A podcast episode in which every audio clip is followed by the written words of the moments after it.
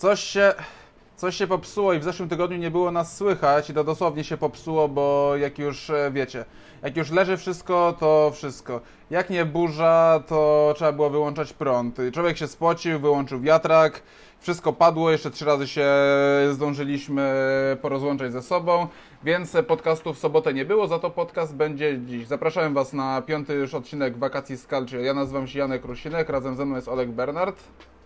Cześć, witam Was wszystkich bardzo serdecznie. No nie było nas słychać, więc się powtórzymy jeszcze raz po prostu. Tak, powtarzamy się jeszcze raz, będziemy musieli Wam opowiedzieć o poprzedniej kolejce, mimo tego, że zrobimy to raczej w skrócie. Nie, nie będzie to jakiś bardzo obszerny materiał, żeby to nie żebyście się nie zanudzili na śmierć, powiemy o ważnych meczach, powiemy o plotkach transferowych i jak typujemy kolejkę numer 31. Więc e, może już od razu przejdziemy do rzeczy zamiast e, sztucznie przedłużać materiał. E, Napoli się bawi, ponieważ próbuje ściągnąć Wiktora Ozimena, który dopiero co dogadywał się z Aurelio de Laurentisem w jego biurze w tym wiecie, w tym biurowcu, co wygląda jak piwnica, gdzie są jeszcze plakaty Napoli z 2011 roku.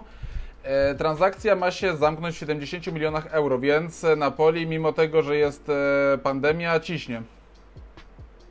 No, Wiktor Osiman jest dosyć ciekawym nazwiskiem, aczkolwiek tutaj zbyt wiele nie mogę powiedzieć, bo żadnego jego spotkania w ligę nie obejrzałem.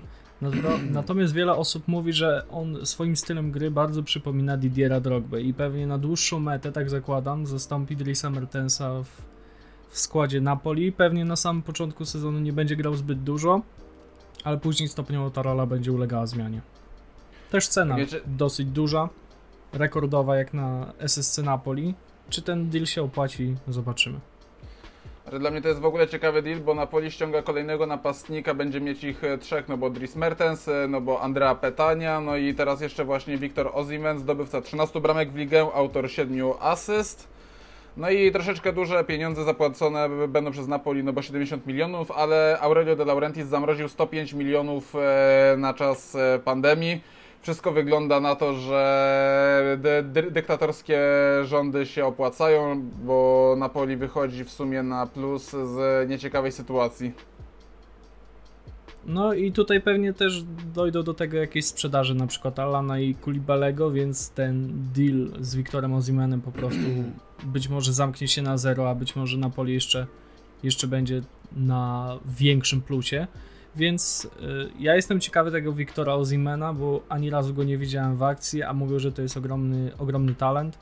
I póki co chyba on już jest tak naprawdę po wizycie w willi u De Laurentisa. Nie wiem, czy testy medyczne jeszcze miał, chyba nie. Natomiast nie myślę, że w, w najbliższym tygodniu, w najbliższych dwóch tygodniach już ten transfer powinien zostać dopięty. Choć Lille domagało się tego, żeby ten transfer sfinalizować przed 30 czerwca, bo wiadomo, trzeba ten okres rozliczeniowy jakkolwiek domknąć. Tak, tutaj pociśniemy już Wam te transfery dalej, bo Ozimen tutaj jest najgłośniejszym nazwiskiem z nich wszystkich. Powiemy, że Buffon i Chiellini przedłużyli kontrakty do 2021, czyli Gianluigi Buffon po tym jak przegonił Paolo Maldiniego rozegrał najwięcej spotkań w historii Serie A. E, mogłem złośliwie powiedzieć, że no to teraz jeszcze 6 tytułów Ligi Mistrzów i jest największą legendą Calcio, ale tak nie powiem, bo jeżeli przedłuża kontrakt o rok, to może jeszcze o rok i będzie walczył pewnie o rekord Marco Balotty, który w Lazio bronił mając ponad 44 lata. Zobaczymy. Ostatnio prezentował się w Coppa Italia dosyć przyzwoicie. E, natomiast myślę, że to już raczej i Buffon i Kielini będą występowali w roli senatorów, no bo wiadomo, Wojtek Szczęsny tutaj niepodważa, niepodważalny numer jeden w Juventusie. Natomiast w środku obrony jest Bonucci, który ma już za sobą 400 mecz tak naprawdę dla Bianconeri we wszystkich rozgrywkach. No jest jeszcze Matthijs de Ligt, o którym pewnie też powiemy, bo dosyć ciekawa sytuacja w meczu z Torino się działa. No i jest Merrick Demiral, który jest naprawdę utalentowanym zawodnikiem i powoli już wraca on do do treningów, pewnie jeszcze przed zakończeniem sezonu dostanie jakąś tam szansę, dostanie parę minut w, w lidze gdzieś. Zwłaszcza, że o Demiralu, o Demiralu będziemy mówić później w kontekście innych tureckich obrońców e, w Serie A i jak e, selekcjoner Turcji e, Gunierz będzie miał fajnie, jeżeli chodzi o obronę na przyszłorocznym Euro. Dalej, Davide Calabria jest na wylocie z AC Milan. Milan sąduje sprowadzenie Dumfriesa i po meczu Milanu z Lazio, gdzie Andrea Conti zagrał w końcu porządne zawody, takie jakie by kibice od niego oczekiwali, Davide Calabria na dobrą sprawę nie ma czego już w Mediolanie szukać. No w pierwszej wersji, której nagrywaliśmy, to mówiłem, że prędzej ja bym się pozbył Contiego niż Calabrii, teraz powoli ta narracja się zmienia. Natomiast no, Davide Calabria pewnie odejdzie z klubu na zasadzie wypożyczenia bądź tran transferu definitywnego. No a Denzel Dumfries, no solidny, solidny zawodnik, uznana marka na rynku holenderskim, więc patrząc na tego Kalulu, co przyszedł, jeżeli ma przyjść jeszcze Dumfries, no to stopniowo ten upgrade będzie widoczny właśnie na prawej stronie Rossonerych. No, ewentualnie jeszcze może grać na prawej obronie z Alexis Salemakers, który kosztował Milan 3,7 miliona euro. Eee, Został wykupiony z Anderlechtu i jego ostatnie występy naprawdę na- napawają optymizmem, że to będzie w miarę fajny deal. No to akurat jeżeli chodzi o te pieniądze wydane na Salemakersa, no to pewnie pierwszoplanową postacią nigdy w Milanie nie będzie, natomiast za takie pieniądze w miarę jakościowy zmiennik jest, jest w porządku, ale jeszcze będąc tutaj przy Milanie, widzę, że nie zapisałem tej opcji tutaj u nas e, w ściągawce. E, według Corriere dello Sport Milan nie ma zamiaru aktywować opcji wykupu Simona Kiera. Dlaczego? Iwan Gazidis? Dla, dokładnie, dlatego że ten. e, Dobra, nie, wiecie co, nie będę klął, bo już chciałem, ale samego rana już mi ten facet podniósł po raz kolejny ciśnienie. Nie będę tutaj nie, e, obrażał Oszczędzimy ludzi. chłopaków w montażu. Tak, bo to jest. e, Bo sami wiecie doskonale, jakie mam zdanie na temat Iwana Gazidisa, na temat tego, że ten człowiek po prostu nie zna się na budowaniu klubu piłkarskiego i e, gdyby kibice, kibicom starczyło jaj, to by już dawno zrobili, e, zrobili mu po prostu pucz w klubie, bo tak się nie zarządza klubem piłkarskim, ale widocznie jest jakiś, e, no, jest jakaś sytuacja, która nie pozwala im tego zrobić, a powinni naprawdę zrobić e, e, z facetem, e, znaczy nie mówię, że powinni go pobić czy coś w tym stylu, ale powinni, nie wiem, wywiesić mu transparent, e, nie wiem, że e, Iwan Gazidis e, zrobił coś e, głupiego i powinni, czy nawet w domu na płocie niech mu to wywieszą. Te, takie sytuacje też się zdarzają e, na świecie. A ja jeszcze się ciebie zapytam, bo natknąłem się na taką opinię na Twitterze, jak sobie dzisiaj tam przeglądałem tematy, o których chcę pogadać. I właśnie a propos Simone Kiera, y, gdzieś przeczytałem, że to jest trochę taki Mario Yepes w obecnej sytuacji dla Milanu. I czy ty się ty, z tym Czy zgadzasz? Mario Yepes, znaczy Mario Yepes jak grał w Milanie, to on już naprawdę byłby bardzo wiekowym zawodnikiem i to, co miał zrobić, e, to zrobił, ale ja Simona Kiera upatruję jako kogoś, że- kto pograł w kilku poważnych ligach w Europie. E, Zagrał e, sporo dobrych e, spotkań, czy e, nawet na poziomie Serie A.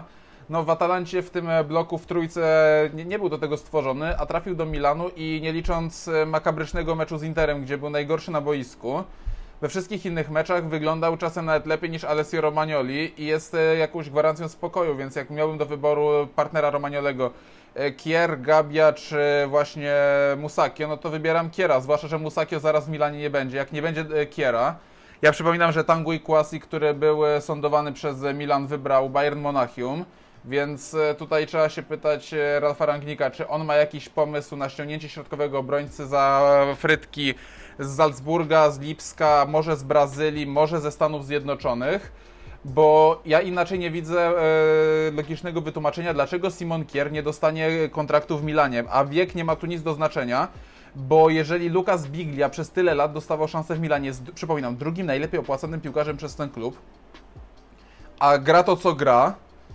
to coś tu jest chyba nie w porządku. No, dla mnie to jest po prostu kompromitacja Iwana Gazidisa, że ten Simon Kier nie zostanie w Milanie, choć może jak Antonio Vitiello w najbliższych dniach da jakieś info, że ten Kier zostaje, bo chyba w połowie lipca kończy się ta Jest decyzja. możliwość wykupu, więc no, jeżeli go nie wykupią, to będę bardzo, bardzo, bardzo zdziwiony. No, Gazidis out. Ja nie będę zdziwiony. Ja nie będę zdziwiony, bo ten człowiek robi wszystko źle. Mamy dalej napisany temat, e, że Andrea Pirlo ma zostać trenerem re- rezerw Juventusu, więc to, to tylko wam napomykamy, bo e, w ostatnich dniach wystrzeliła prawdziwa bomba. Daniele De Rossi po tym jak świeżo zakończył karierę, e, zaczyna zabawę jako trener i od przyszłego sezonu będzie prowadził Fiorentinę. Ja jestem tego No ciekawy. właśnie nie wiadomo, czy te Fiorentina będzie prowadzić, bo już widziałem, że Fiorentina wydała odpowiednie oświadczenie ze sprawą pana Rocco Comiso, że takiego tematu w ogóle nie ma. Że jest temat Ale, może Spallettiego, może wylało- Ra- Ranieriego, ale De Rossiego nie. ale wiesz, jeżeli się wylało, no to mieli jakieś źródła. Ja bym był ciekawy. Nie no, wiadomo, ruchu. coś pewnie było na rzeczy, bo jak Na- na, bank rozmawiali, podaje, bo podaje to Fabrizio Romano, no to, no to wiadomo. Zwłaszcza, Aczkolwiek że ja, ja- jestem tutaj zdziwiony, że y, właśnie De Rossi nie idzie trochę drogą Andrei Pirlo, to znaczy, żeby spaść na cztery łapy, żeby wziąć coś po prostu słabszego. Mógł, nie wiem, mi się wydaje, że mógłby zastąpić swojego ojca Alberto De Rossiego na stanowisku trenera Primavery Romy. A jak ale, decyduje ale się na Daniele, bardziej ale Daniele De Rossi nie pójdzie do Romy, póki jest tam James Palotta, bo wiadomo, że panowie nie pałają do siebie sympatią. No to tak jak pewien zawodnik, o którym tutaj powiemy, też nie chce dołączyć do Romy, póki Dan Friedkin nie będzie oficjalnie właścicielem Giallorossi. No jest Ja ostro. jestem zdziwiony tym ruchem, bo jak dla mnie Luciano Spalletti powinien być takim Oczywiście. trenerem, który doprowadzi Fiorentinę właśnie na Zwłaszcza, może nie że- Ligę Mistrzów, bo to jeszcze nie jest skład na Champions League, ale na regularną grę w euro- europejskich pucharach jak najbardziej. Zwłaszcza, że Luciano Spalletti Myślę, że też jest o De Rossim wielkim kibicem tekst jakiś powstanie w najbliższym czasie. Zwłaszcza, że Luciano Spalletti jest wielkim kibicem Fiorentiny, nigdy nie prowadził tego klubu, a jak nie teraz, no to prawdopodobnie już e, nigdy. E, dalej A mamy temat... tam się zna z Joe Baronem, więc no, No. to też jakieś powiązanie jest. Dalej mamy temat Arkadiusza Milika, który porozumiał się z Juventusem. Już e, obydwie strony e, są dogadane, że Milik chce do Juve, Juve chce Milika. Tylko teraz niech e, głos zabiera Napoli, co oni chcą zrobić, bo albo sprzedają go i dostają fajną gotówkę, która może pójść na zakup Ozimena. Ja nie mówię o 70 milionach, bo to byłoby przesadzone za piłkarza z rokiem kontraktu, ale Juve proponuje na przykład wymianę. Chce oddać Federico Bernardeschiego lub Lukę Pellegriniego, bo Napoli e, coś mówiło o Cristianie Romero, ale Juve definitywnie wykluczyło taką możliwość. I gdybym ja był Aurelio de Laurentisem i poszukiwałbym zawodnika, to ja bym szedł po Lukę Pellegriniego od razu. Ja wiem, że Mario Rui miał w ostatnim meczu asystę, ale ja przypominam cały czas, okej, dobra, wiem, że to było dwa lata temu, ale nie widziałem nigdy obrońcy, który jak drużyna traci cztery bramki, jest zamieszany we wszystkie cztery stracone gole. No tutaj akurat no, w tym aspekcie się zgadzamy, bo Luca Pellegrini zdecydowanie bardziej by się przydał Napoli aniżeli Federico Bernardeschi. Aczkolwiek myślę, że Juve tego Pellegriniego koniec końców nie wypuści, bo to jest idealny następca Alexa Sandro. I pewnie się skończy tak, że ten Federico Bernardeschi faktycznie wyląduje w Napoli, jeżeli dojdzie do tej wymiany między oba klubami. Choć Tutto Sport ostatnio podawało, że Edin Dzeko może być taką alternatywą dla Arkadiusza Milika. Aczkolwiek tutaj ja bym pozostał przy, przy Polaku po prostu, jako Ja też. To- priorytet. Jak nie Milik, to nikt. Tak jak mówiliśmy w pierwszym podcaście, że Milik, e, jeżeli pójdzie do Juventusu, to po prostu poczyni potężny skok jakościowy, a Juventus wcale się na takim piłkarzu nie zawiedzie. To znaczy, ja znam jednego kibica na Twitterze, pozdrawiam Patryka. Nie, nazwiska nie będę mówił, ale jak ogląda, to pewnie, to pewnie wie, że o niego chodzi. Natomiast no, jak dla mnie transfer Milika do Juventusu to jest sytuacja win-win zarówno dla zawodnika, jak i dla samego klubu. Dokładnie i tutaj, e, znaczy ja, ja generalnie jestem gotów pokłócić się z ludźmi, bo ostatnio nawet e, znajomy do mnie pisał właśnie w tej kwestii, że coś ty się na tego Milika w Juve uparł, e, że ten, czy nagle przestałeś lubić Milika. Ja mówię, nie, ja Milika cały czas lubię i jak ja patrzę na jego karierę i jeżeli interesuje się nim taki klub, no to on musiałby być po prostu głupi, żeby nie iść. No jedyna rzecz, jaka go No trzyma to- w Neapolu, to to, że były, byłyby, nie wiem, e, klepsydry, że ludzie by mu wyprawili pogrzeb, że cały Neapol w koszulkach Milika, a wokół pisuarów już nie domalowali, e, byłyby oczywiście twarze Iguaina, byłyby twarze Mauricio Sariego, obok byłaby twarz e, właśnie naszego reprezentanta. To byłoby takie No troszeczkę Milik, niefajne. no to też już mówiliśmy o naszej argumentacji a propos dlaczego Milik tak naprawdę jak trafi do Juventusu to będzie super i jakie to będą korzyści dla Sariego czy dla Cristiano Ronaldo. No nawet prezes, prezes Polskiego Związku Piłki Nożnej Zbigniew Boniek mówił, że jeżeli Milik faktycznie ma taką ofertę, to nie powinien iść, tylko biec do tego Juventusu. A ja jestem bardziej Bo przekonany drugi raz, Arkadiusza on, on, Milika niż on drugi takiego na przykład Raula nie Jimeneza. dostanie. Znaczy Olek, e, weźmy No pod uwagę, że oferty nie dostanie, to jak podjeżdża je- pociąg raz, to już drugi raz go nie zobaczysz, więc no, Dokładnie. to jest tak naprawdę ostatnia okazja na to. No, no w, w, takim wypadku jak najbardziej. Dobra, lecimy dalej. Mamy e, tutaj temat e, Emersona Palmierego, którego chce ściągać Antonio Conte. Tak jak ściągał go do Chelsea, tak teraz będzie go ściągał do Interu Mediolan. No dobrze, że Emerson, a nie Marcos Alonso. I tutaj ponoć no. 20 milionów euro wchodzi w grę, choć Inter tam kombinuje wypożyczenie z opcją wykupu, z przymusem tak. wykupu, to jeszcze Roz, pewnie rozkładamy, rozkładamy to na 2137 rat. Dokładnie. I, i, I tyle tak w zasadzie, bo jeżeli podaje to Fabrizio Romano, to faktycznie jest coś na rzeczy. Dużo osób chciałoby Robina Gosensa w, w Interze, choć ja na przykład bym wolał takiego Aleksa Telesza, powrót Aleksa Telesza właśnie do, do Mediolanu.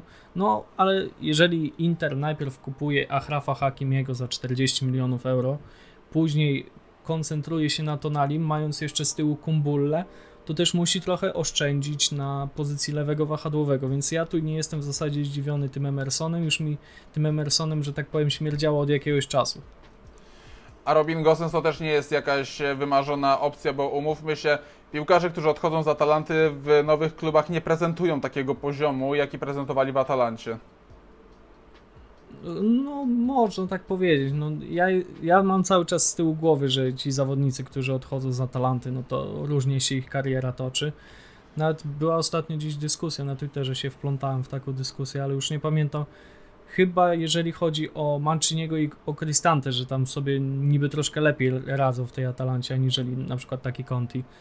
No, tego Conti, Gosensa, Kessi, no, Caldara. Te, no też Caldara, no to, to, to jest racja. Ale dobra, Caldara Więc, to no. bardziej jego zablokowały problemy zdrowotne. Bardzo liche no, jakby te problemy zdrowotne się nie przydarzyły, to pewnie w tym momencie byłby opcją numer 2, 3, 4 dla Juventusu. A raczej dla Milanu, no bo ten... Chociaż Milanie... Może i, może i też dla no, Milanu. No, no, no wiesz, w Milanie już się zaczął sypać, a przez półtorej roku nawet jak był zdrowy, to nie dostawał szans, więc e, to, sytuacja z Caldoro jest generalnie patologiczna. Dobrze, idziemy no, dalej. Mówiło się tyle, że będzie duet Romagnoli-Caldara, a teraz jest Romagnoli a, Ani razu e, Romagnoli i Caldara... A nie, sorry, zagrali jeden mecz wspólnie przeciwko Dydlonge. We dwóch e, w bloku, dwóch, w czwórce obrońców no i raz zagrali w trójce przeciwko Lazio w Coppa Italia. A później Caldara zerwał więzadła i e, koniec jego historii w Mediolanie. Mało kto nawet ogarnął, że zmienił numer z 33 na 31. No widzisz, taka zmiana kosmetyczna. No co nie? Dobra, więc tutaj najważniejsze transfery wam podaliśmy i musimy przywitać... Ale jeszcze tutaj jest aktualizacja mała, bo ostatnio na Instagramie Mario Mandzukic potwierdził, że rozwiązał umowę z Alduhail. A przez A, co dobra, jest teraz Olek, wolnym zawodnikiem. I ja tak? chciałem właśnie e, zrobić taki pomoc, chciałem właśnie do tego nawiązać, że Benevento wchodzi do Serie A i pan Oresto Vigorito ma potężne plany mocarstwowe. No jeżeli gość ma 5 miliardów milia... miliardów polski miliardów. język ciężki miliardów euro, to tacy zawodnicy, no jeżeli dostaną odpowiednią garzę, no to przyjdą do tego Benevento. No I tak, Mario Mandzukic jest właśnie przymierzany do tego klubu. Nie wiem, czy tam dwu, czy trzyletni kontrakt, ale ciekawa Chyba... Opcja. No nie, nieważne, ale to dalej jest Mario Mandzukic. No, Mario Mandzukic, e, Kamil Glik, e, Andre Szyrle, chociaż dobra, Szyrle to jest takie już przebrzmiałe nazwisko, ale jednak e, no, w klubie pokroju Benevento ciężko by było, żeby taki zawodnik sobie nie poradził. To jest dalej były mistrz świata, co by nie mówić. No i jak graliście FIFA 14 i robiliście sobie składy z Premier League, to pamiętacie pewnie takiego piłkarza jak e, Luak Remi. I on też jest na celowniku Benevento. No on już jest chyba po testach medycznych, nie wiem czy już nie podpisał kontraktu tak naprawdę z Benevento, tylko jeszcze tego klub nie ogłosił. Także na no, południu Jest to ciekawa Włoch opcja, bo ostatnio grał w Lille, się dobra paka. ma parę bramek na koncie. To może też powiem o Benevento, które po 31 kolejkach zapewniło sobie bezpośredni awans do Serie A i mistrzostwo Serie B. Czyli taki podobny przypadek jak Empoli 2017-18, które też wzięło drugą ligę szturmem po tym, jak się mówiło, bardzo niesprawiedliwym spadku, no bo ten spadek był po prostu przykry. Mimo tego, że grali fatalnie, ale to Crotone po prostu rzutem na taśmę awansowało, że utrzymało się. E, Benevento z bilansem 23-7-1 e, z jedyną porażką w październiku. W październiku 2019 dostali 4-0 od Pescary, ale jechali absolutnie z każdym i w pełni zasłużenie wygrywają Mistrzostwo Serie B. Bilans bramkowy tutaj mam napisane 56-15 do 31 kolejki, więc wow. No i zawodnicy, których możecie kojarzyć z Serie A, którzy występowali w innych klubach, chociaż to jest jeden zawodnik Benevento, czyli Massimo Coda, który występował jeden sezon e, w najwyższej klasie rozgrywkowej. Ale dalej mamy Perparima Hetemaja, który przez lata reprezentował barwy Kiewo. Marco Sau, czyli ten, który strzela bramki raz na rok, raz na dwa lata, ale jak już strzela bramki, to w ostatniej minucie na Sardynii przeciwko Romie, w jednym z najbardziej szalonych meczów zeszłego sezonu. Pasquale Schiattarella z Spal, który jak odszedł ze Spal, to tam w pomocy zaczęło się dziać niefajnie. No i znany i lubiany legendarny piłkarz Napoli, wieloletni kapitan Cristian Maggio. Choć tego Massimo Kody już nie ma w Benevento, bo niestety mu wygasł kontrakt. Y, a co jeszcze warto powiedzieć o, o samym Benevento? No, awansowało 7 kolejek przed końcem samej ligi. Jest to pierwszy przypadek od 1978 roku. Y, pobili już rekord zdobytych punktów w erze 3 za, za zwycięstwo, bo to jest 76 punktów na tym etapie. Mhm. Y, I mają też najwięcej zwycięstw z rzędu, bo jest to aż 8. I jeżeli chcą pobić rekord Juventusu i Empoli, to muszą mieć więcej punktów niż 85 na koniec ligi. Też o samym Benevento będzie tekst mojego autorstwa za parę dni na, na portalu, także możecie, możecie śledzić, bo będzie tam i o Oresto Vigorito i o y, podpisaniu Pippo Inzagiego i też o Pasquale Foggi, który obecnie jest dyrektorem sportowym tego klubu. No, ja dlatego trzymam kciuki, żeby dlatego ja nie zrobię o tym odcinka. Sezonie. Dlatego ja nie będę robił e, na ten temat e, odcinka na kanale. Po prostu e, musicie się też przyzwyczaić do słowa pisanego, bo bez tego wszyscy zginiemy i pozostaniemy analfabetami. Czyli tak, sprawy takie podstawowe mamy ogarnięte, czyli przechodzimy do meczów, które mieliśmy na weekendzie i mecze, które były w tygodniu. No, 29. kolejka Serie A i tutaj mamy mecz Genoi z Juventusem, gdzie Juve wygrało. E, tradycyjnie to się chyba dzieje, że bramki e, Dybala Ronaldo, bo ci dwaj zawodnicy co chwilę strzelają Klasyk. po jednym golu. To jest klasyka już w tym momencie. Fantastyczny gol Douglasa Kosty, a piłka po strzele Ronaldo leciała 105 km na godzinę. I jak ja czytam też te doniesienia, że ten facet e, od 6 lat gra ze zwyrodnieniem rzepki, i ile on poświęca czasu ja też na widziałem, trenowanie. To chyba na, Mateusz Święcicki chyba na Twitterze to podrzucał taką nitkę, nie? No, ogólnie rzecz biorąc, e, teraz wszystkie te sportowe fanpage przeklejają temat Cristiano Ronaldo, że od wtedy jak były, jak Real walczył o 10 Ligę Mistrzów, no to Ronaldo ciągle zmaga się z, ze zwyrodnieniem rzepki, że gdyby rok czasu odczekał, to mógłby zaleczyć to w 100%, ale on sobie nawet nie może na to pozwolić, no bo straciłby szansę, no, straciłby cały sezon, a to dla niego jest nieopłacalne. Weźmy pod uwagę, że Ronaldo ma tyle kasy, że on może sobie zrobić e, tytanową rzepkę po zakończeniu kariery, dzięki czemu nawet nie będzie czuł e, jakiejś e, większej zmiany. To po pierwsze, a po drugie, po prostu czapki z głów, no bo ten facet e, zaskakiwał nas przez wiele, wiele lat e, swoją etyką pracy, swoim podejściem do piłki nożnej i miałem takie wrażenie, że po prostu, no, to co on robi jest nadludzkie, a cały czas jestem zaskoczony coraz bardziej tym, co się dzieje wokół niego. No to też prawda i ja jestem naprawdę zdziwiony, że Ronaldo ma już na koncie 25 goli, tylko mu brakuje 4 trafień, żeby dogonić Ciro Immobile. No, no też tak. Y, Paulo Dybala no, bawi się tak jakby sobie po prostu grał w FIFA i sobie na padzie po prostu y, jakieś triki robił. Ta kontrola piłki jest absolutnie magiczna.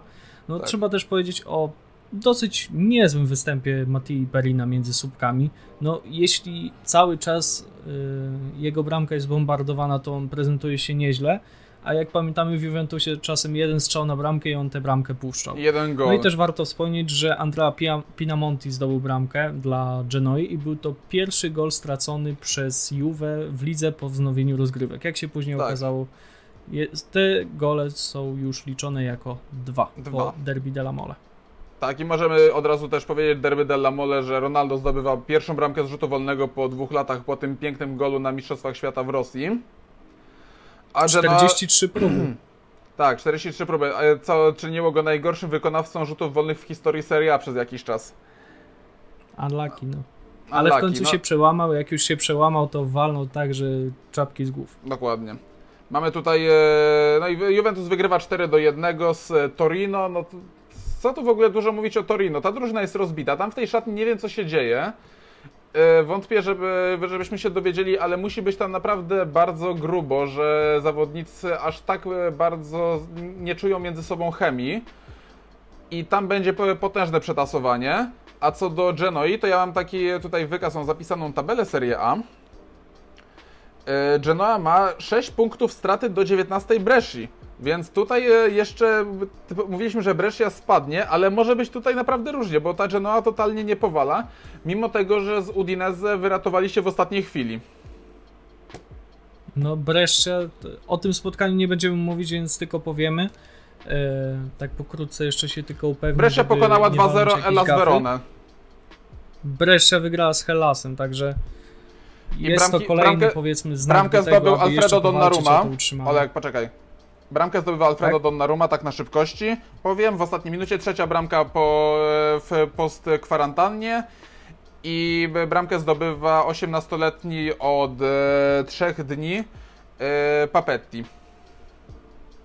Po asyście Sandro Tonaliego, to też Tak, z rzutu rożnego.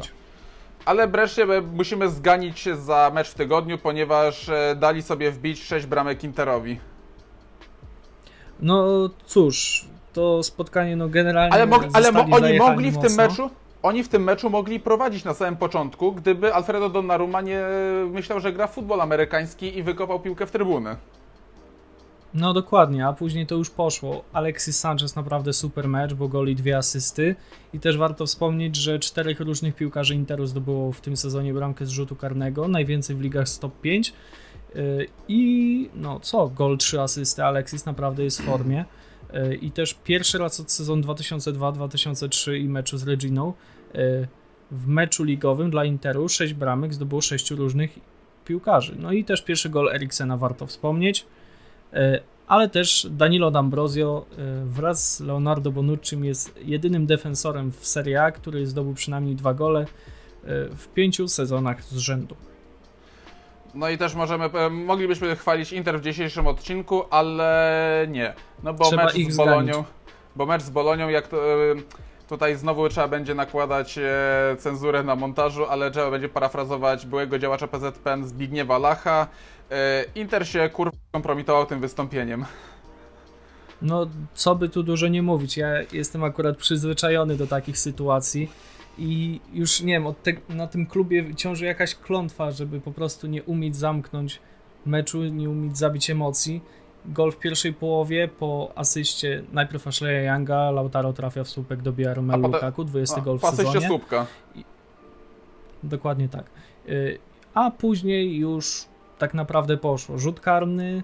y, Grande Łukasz broni Skorupski. raz, uderza Gagliardini drugi raz broni Skorupski, a później już dwóch Gambijczyków, Musa Dżuara, napastnik Primavera, a też Luka, y, nie Luka, tylko Musa Barrow, y, dają zwycięstwo Bolonii. Musa Barrow trzeci mecz z Tak. rzędu z golem.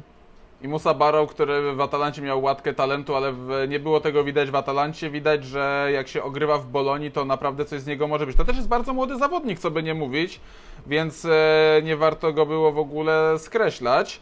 Ale naprawdę, e, jak patrzę na grę Musy Barrowa w barwach Rosso Blue, jestem zauroczony. No, ja tak samo. No, Ricardo Orsolini kręcił tam jak chciał. Yy, Dwie niepotrzebne żółte kartki dla Alessandro Bastoniego. I, i, I tyle. No. Inter się wyrzuca z walki o Scudetto. Jak utrzyma top 4, to będzie dobrze. Nie no, top 4 utrzyma, nie, tam po prostu nie ma kto ten. Oni nie mają tego top 4 z nikim przegrać. Okej, mogą zająć czwarte miejsce, bo Atalanta ma szansę wyprzedzić, ale z top 4, żeby wypaść, to nie, to chyba musieliby wszystko do końca sezonu przegrać, a Milan albo Napoli wszystko do końca sezonu wygrać, bo o Romie nawet nie mówię. Ja zaczynam się, wiesz co, zastanawiać, yy, czy są już zakłady w jakiejś, yy, u jakiegoś bookmachera, żeby postawić na tą Atalantę na drugim miejscu, bo mnie to kusi. Lazio przegrywa z Milanem, o tym też pewnie zaraz powiemy. To zaraz, e, i znaczy najpierw też roast, a wyrzuca z tej potem walki o uchwalenie. Scudetto, a Atalanta no, w formie cały czas, bo spodziewałem się, że zdobędą sporo bramek z Cagliari i ostatecznie skończyło się 1-0. ale kolejna wygrana i 5 punktów straty do Lazio. No to ja mu tak pisałem ostatnio, że e, mecze wygrywasz atakiem, a tytuły obroną, więc jeżeli w następnym sezonie Atalanta będzie chciała nawet walczyć o Mistrzostwo Włoch, to dwóch e, klasowych obrońców i można grać. E, Piotrek Dumanowski chyba w ten w którymś meczu Atalanty opowiadał, że mógłby dołączyć na przykład Daniele Rugani i to byłoby wzmocnienie dla, dla ekipy oczywiście, z Bergamo. Oczywiście. No, przychodzi też Sven Botman, wychowany chyba Ajaxu Amsterdam, więc ta obrona jakkolwiek będzie wzmacniana w najbliższym czasie.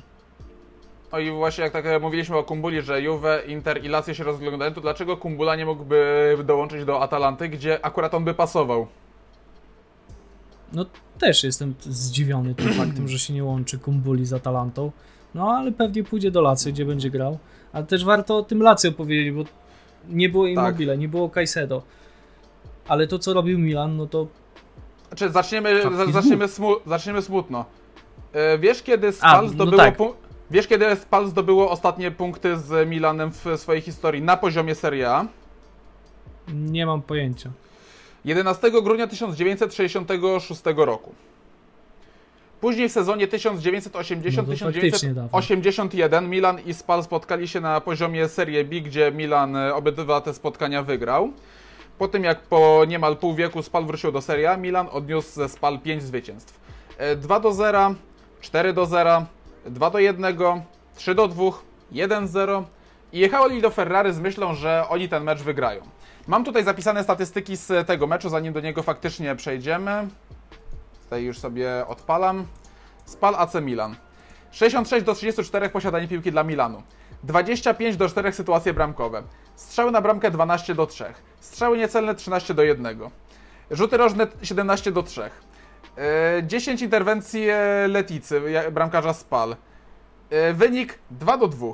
Po pierwszej połowie e, Spal prowadzi 2-0, potem gra w dziesiątkę, bo D'Alessandro e, troszeczkę bandycko potraktował Teo Hernandeza i dostał zasłużoną czerwoną kartkę. Milan w drugiej połowie tych bramek... morderczo. Milan w drugiej połowie mógł strzelić tych bramek z 7. Bo próbował każdy i strzelali do, na bramkę, strzelali obok bramki, ale była jedna wielka kanonada. Spal w drugiej połowie nie istniało. Mimo tego, że w pierwszej połowie Mattia Balotti, wychowanek Milanu, zdobywa bramkę po zamieszaniu, a później pierwszego gola w tym sezonie zdobywa wiekowy Sergio Floccari. No ja byłem w szoku, że, to, że coś takiego wpadło, że on się w ogóle zdecydował na taką akcję. No Floccari to ta trajektoria lotu tej piłki, no to absolutna masakra. No i ganimy Gianluigi'ego Donnarumę, bo wyszedł za daleko do piłki, bo nie po... Znaczy, po prostu źle wykalkulował tor lotu, nie, nie ogarnął. No czasem tak się zdarza.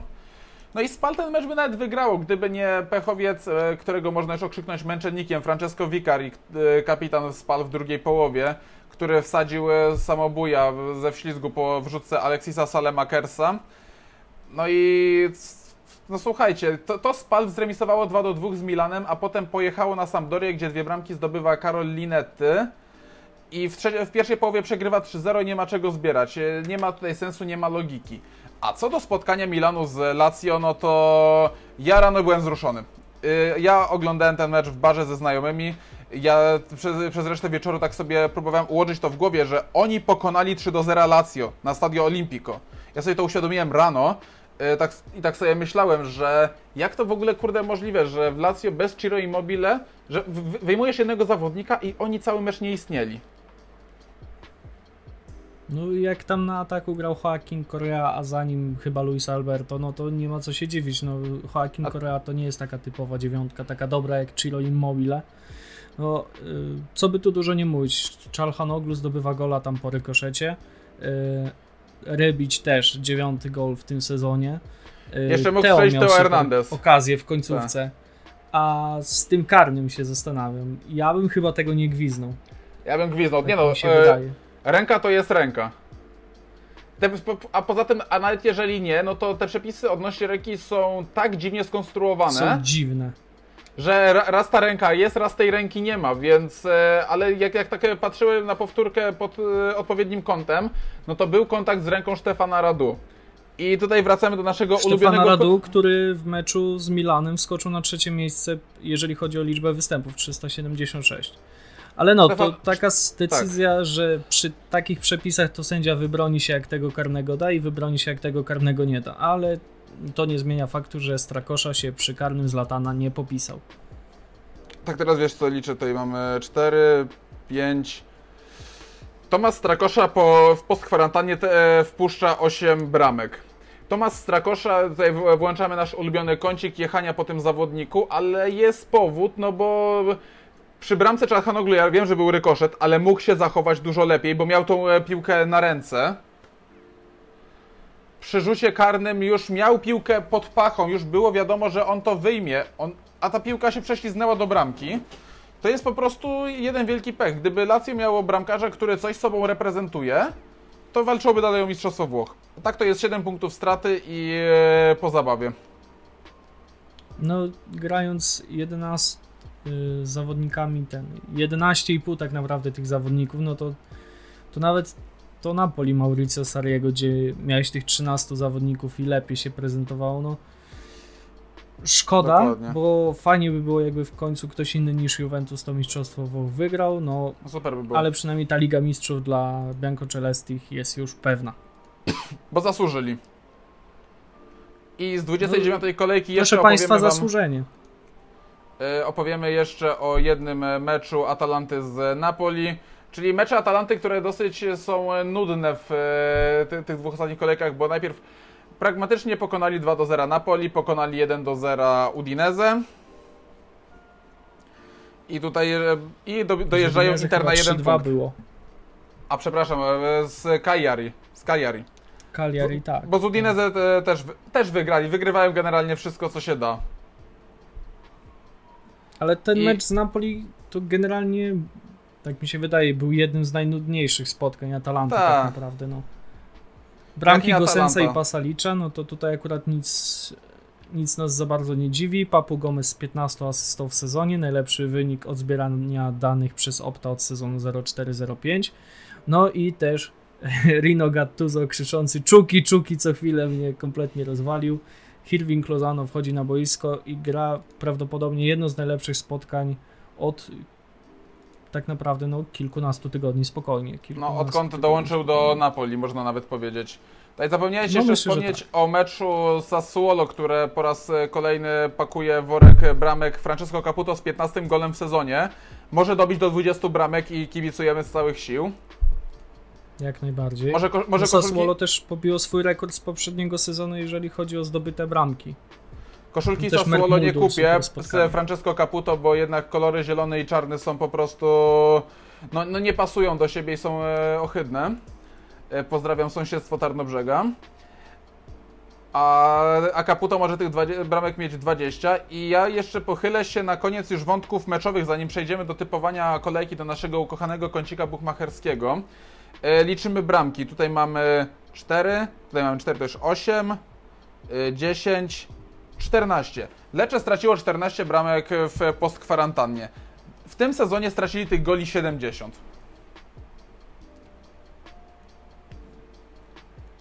No musimy no, się kurtyna, popastwić. No, co ja mogę mówić? Musimy się na, na tym Kurtyna Lecce po popastwić. Bo, na, bo jak tak patrzymy na, na Brescie, na Lecce, na Genoę, no to paradoksalnie najbardziej na utrzymanie zasługuje Brescia. Mimo tego, że dała sobie wbić Interowi 6 bramek, ale to jest dalej Inter. A Lecce daje sobie wbijać bramki każdemu. No co by tu dużo nie mówić, no strzela tak naprawdę jeden człowiek, Marco Mancosu i to zazwyczaj I to z karnych. karnych. Jakoś tam, jakoś tam zostają na razie w tej strefie możliwego utrzymania się w lidze, bo dwa punkty straty tylko do Genoi. Aczkolwiek no, ta gra w defensywie no nie powala, no co by tu dużo nie mówić, tak No bo wiecie, my byśmy marzyli pewnie o spadku Udinese i o spadku Genoi, ale pamiętajcie, że pan Pozzo, właściciel Udinese i pan Preziosi, właściciel e, Genoi, to są stare wygi włoskiego calcio i oni już doskonale wiedzą, jak utrzymać się w tej lidze. To są goście, którzy mają na to milion sposobów, żeby nie zostać strąconym z ligi, ale oczekujemy przynajmniej na spadek Genoi w tym momencie. A ja po cichu liczę nawet na utrzymanie Bresci Genoa, Udinese, Genoa i, i Spal. i Spal. In that order, tak myślę. Jeżeli chodzi o spadek. Znaczy, No, Udinese to z chęcią bym się już pożegnał. ale Udinese nie spadnie e, przynajmniej teraz. E, A Lecce może nawet e, w miejsce Brescia, no bo Brescia w postkwarantannie nie wygląda źle. Brescia po prostu ma pecha w tym, co robi, ale wygrana z Elasem i zobaczymy, co będzie na Stadio Olimpico Grande Torino, kiedy zagrają z e, drużyną, która jest totalnie rozbita. No i ta Brescia z trudniejszych przeciwników będzie potem miała Romę. No i oczywiście wielkie derby Lombardii z Atalantą pomiędzy tymi spotkaniami, więc może być naprawdę ciekawie. Sam sobie już ostrze, ostrze zęby na te derby. Ja też. Może ktoś w końcu się postawi bardziej Atalancie i spróbuje jej te punkty wyrwać. Może- Już Udinese ten, próbowało, e, ale nie pykło. E, Diego Lopez będzie tak jak e, w 2001 roku trener Carlo Mazzone będzie biegł do pustej trybuny na stadio Atleti Azzurri i będzie wygrażał pięścią po strzelonej bramce. Tak. A to już jest mecz e, na- dobrą sprawę, który obrósł we Włoszech e, potężnym e, kultem. Dobra. Kończymy wspominki, bo jedziemy z tym podcastem. Strasznie się rozgadaliśmy, a chcieliśmy to zrobić w miarę w skondensowanej formie, ale no nie da się. Jedziemy z typami na najbliższą kolejkę, czyli mamy dalej Lecce Lazio. 7 lipca, 19.30, e, wielki mecz, co, co by nie mówić. Jak myślisz, Olek? Czysta dwójka, wraca Immobile, wraca Caicedo. Ponoć też Leiva i Cataldi są w miarę zdrowi, będą mogli już uczestniczyć w grze, więc tutaj można spokojnie jakiś taki overek 2,5 postawić, tak myślę. Ja daję dwójkę i overek 3,5, bo to Lecce. Więc Lecce może strzelić karnego, może dostać karnego za jakąś głupotę, Mankozu podejdzie i nie będzie miał problemów z pokonaniem Strakoszy, więc tu już ta jedna bramka idzie, ale Lazio musi być po prostu wpienione po tym, co się stało na Olimpico, że jeszcze z Milan, że jeszcze Milan ich tak pokarał, umówmy się. I to nie może się inaczej skończyć. Z kolei wielki mecz na San Siro. Milan podejmuje Juventus. E, je- Jeżeli chodzi o mój typ, to ja jak zwykle tradycyjnie przeciwko, bo jak wy- wygrają to spoko, jak przegrają to mam kasę. E, Milan prawdopodobnie będzie miał Czalhanoglu na ten mecz i Lukasa Paketę, którzy narzekali na problemy zdrowotne. Z kolei w Juve brakuje Matajsa Delichta i Paulo Dybali. No ze względu na żółte kartki. Ja bym tutaj e, dał chyba spotkanie bez remisu, albo wygrywa Milan, albo wygrywa Juve. No Dybala też w ostatnim czasie sporo bramek temu Milanowi strzelał, więc tego kata na razie tutaj nie będzie. Dokładnie. Myślę, że tu spokojnie można pójść w albo czysto jedynkę, żeby sporo zarobić, albo czystą dwójkę jako pewniaczek. No to takie spotkanie. No to będzie naprawdę dziwny mecz. Ja już e, wiadomo, e, że zęby naostrzone już, tu, e, już tutaj panika w domu szerzona, no bo mecz z Juve i pewnie usłyszę zaraz, że to, to sobie szukaj lokalu, gdzie będziesz oglądał mecz, bo nikt na ulicy nie będzie chciał tego słuchać. Dobra, idziemy dalej. E, Środa 8. Fiorentina Cagliari i Genoa Napoli o godzinie 19.30. I tutaj jak mamy Fiorentinę z Cagliari, no to ja mam takie wrażenie, że to jest mecz z kategorii tych nie do obstawienia. Bo z jednej strony to Cagliari wygląda fajnie, e, jeżeli ma pełny skład i potrafi... Z jednej strony potrafi trzasnąć Torino, a potem e, a i z kolei przegrać z Elasem Verona. Znaczy wiadomo, to są drużyny na zupełnie innych biegunach, ale po prostu jest nierówna, a Fiorentina jest jedną wielką zagadką. No to jest akurat takie spotkanie, gdzie jedyny słuszny typ tak naprawdę to może być, że obie drużyny strzelą bramkę. Tak, Z tego tak. co przed chwilą patrzyłem, to w ostatnim meczu było chyba 5 do 2 dla, dla Cagliari. Do, chyba, 4-2, jeśli 4-2. dobrze pamiętam, aż teraz sprawdzę. Tak, Czter- dla Cagliari. Y, Mhm. Później, znaczy wcześniej było Cagliari Fiorentina 2-1 i Fiorentina Cagliari 1-1, więc raczej tutaj spokojnie można stawiać na to, że obie drużyny strzelą bramkę i chyba ja tak pójdę. No dobra, no to dalej mamy Genoa Napoli, no to raczej dwójeczka, niech Napoli pomoże Genoi spełnić nasze marzenie, żeby spadli do Serie B. Plus jeden. E, Roma Parma, czyli Parma, o której w ogóle nie powiedzieliśmy, że przegrała 3 do 2 z Ellasem Verona i przegrała z Fiorentiną i spadła na 12 miejsce w e, tabeli. E, Przeciwko Romie, która jest e, mentalnie dojechana i rozbita, która też e, przegrała 2 do 1 z Napoli. Cudownego Lorenzo Insigne polecamy bardzo serdecznie. Zobaczcie sobie powtórkę. E, I tutaj wydaje mi się, że to będzie bardzo underowy mecz. Że nie padnie w nim dużo bramek. Under 2,5, aczkolwiek w tym sezonie Roma jeszcze z Parmą nie wygrała. przegrali zarówno w Coppa Italia, jak i na samym początku, w pierwszej połowie rozgrywek. No Mhm. więc tutaj ja bym chyba poszedł y, w Parmę i under 2,5. Może ja to- z golem Kulusewskiego. Ja to całkowity under 2,5. Dalej Atalanta Sampdoria, czyli mimo tego, że Sampdoria pokonała Spal 3 do 0, no, no nie powiem, że to jest tylko Spal, bo dopiero co oglądałem mecz e, Spal Milan, no i to nie jest e, tylko Spal. Ale Atalanta ich powiezie, to nie ma w ogóle dyskusji. To nawet się nie rozwodził na tym długo. No tylko, tylko pytanie ile? Tylko pytanie ile? W tym, w tym sezonie Atalanta zremisowała bezbramkowo z Sampdorią, ale tutaj myślę, że taki scenariusz nawet nie dojdzie do skutku. Nie wiem, under 2,5, under 3,5 Ja z tyłu, ja, i, wiesz co, ja z tyłu głowy mam tylko to, że, e, że wtedy chyba, a, jak Atalanta grała z Sampdorią, to była grana po drodze Liga Mistrzów. To tylko dlatego. No pewnie tylko dlatego. Więc tutaj raczej nie będzie mm, podobnej niespodzianki. Bolonia Sassuolo, ja tutaj rzucam dwa kupony, bo tu już e, zapomnieliśmy powiedzieć, że to są mecze o 21.45. E, Bolonia Sassuolo to jest mecz, który ja będę oglądał i wyrzucam dwa kupony. I na jednym kuponie z bramkę zdobędzie Musa Barrow, a na drugim e, kuponie rzecz jasna Francesco Caputo. No i chyba ja bym też w to poszedł. No to jest drugi mecz w tej kolejce ciężki do obstawienia tak naprawdę, bo Tak. Bolonia jest po wygranej z Interem, Sassuolo po wygranej z Lecce, co prawda, ale zarówno Musa Barrow, jak i, e, jak i Ciccio Caputo są w formie. Ciężki, Tak. cie- ciężkie spotkanie do obstawienia. No, obie drużyny strzelą bramkę, to jest raczej pewniaczek. Tak jest. Dalej Torino Brescia, więc e, tutaj e, mamy rozbite Torino, które, które się po prostu nie nadaje, umówmy się. I ja tutaj znowu idę w bramkę, a bramkę zdobędzie w tym meczu Alfredo Donnarumma. Ja chyba pójdę w bramkę Andrei Belottiego. Już czwarty gol z rzędu e, w derbach Turynu, jeżeli chodzi o ten sezon, więc może tę e, skuteczność podtrzyma. No i Brescia będzie szukała w ogóle na Torino e, odwetu po tym, jak Torino przyjechało i rozbiło ich 4 do jaja na Rigamonti w pierwszym meczu na poziomie Serie A trenera Fabio Grosso.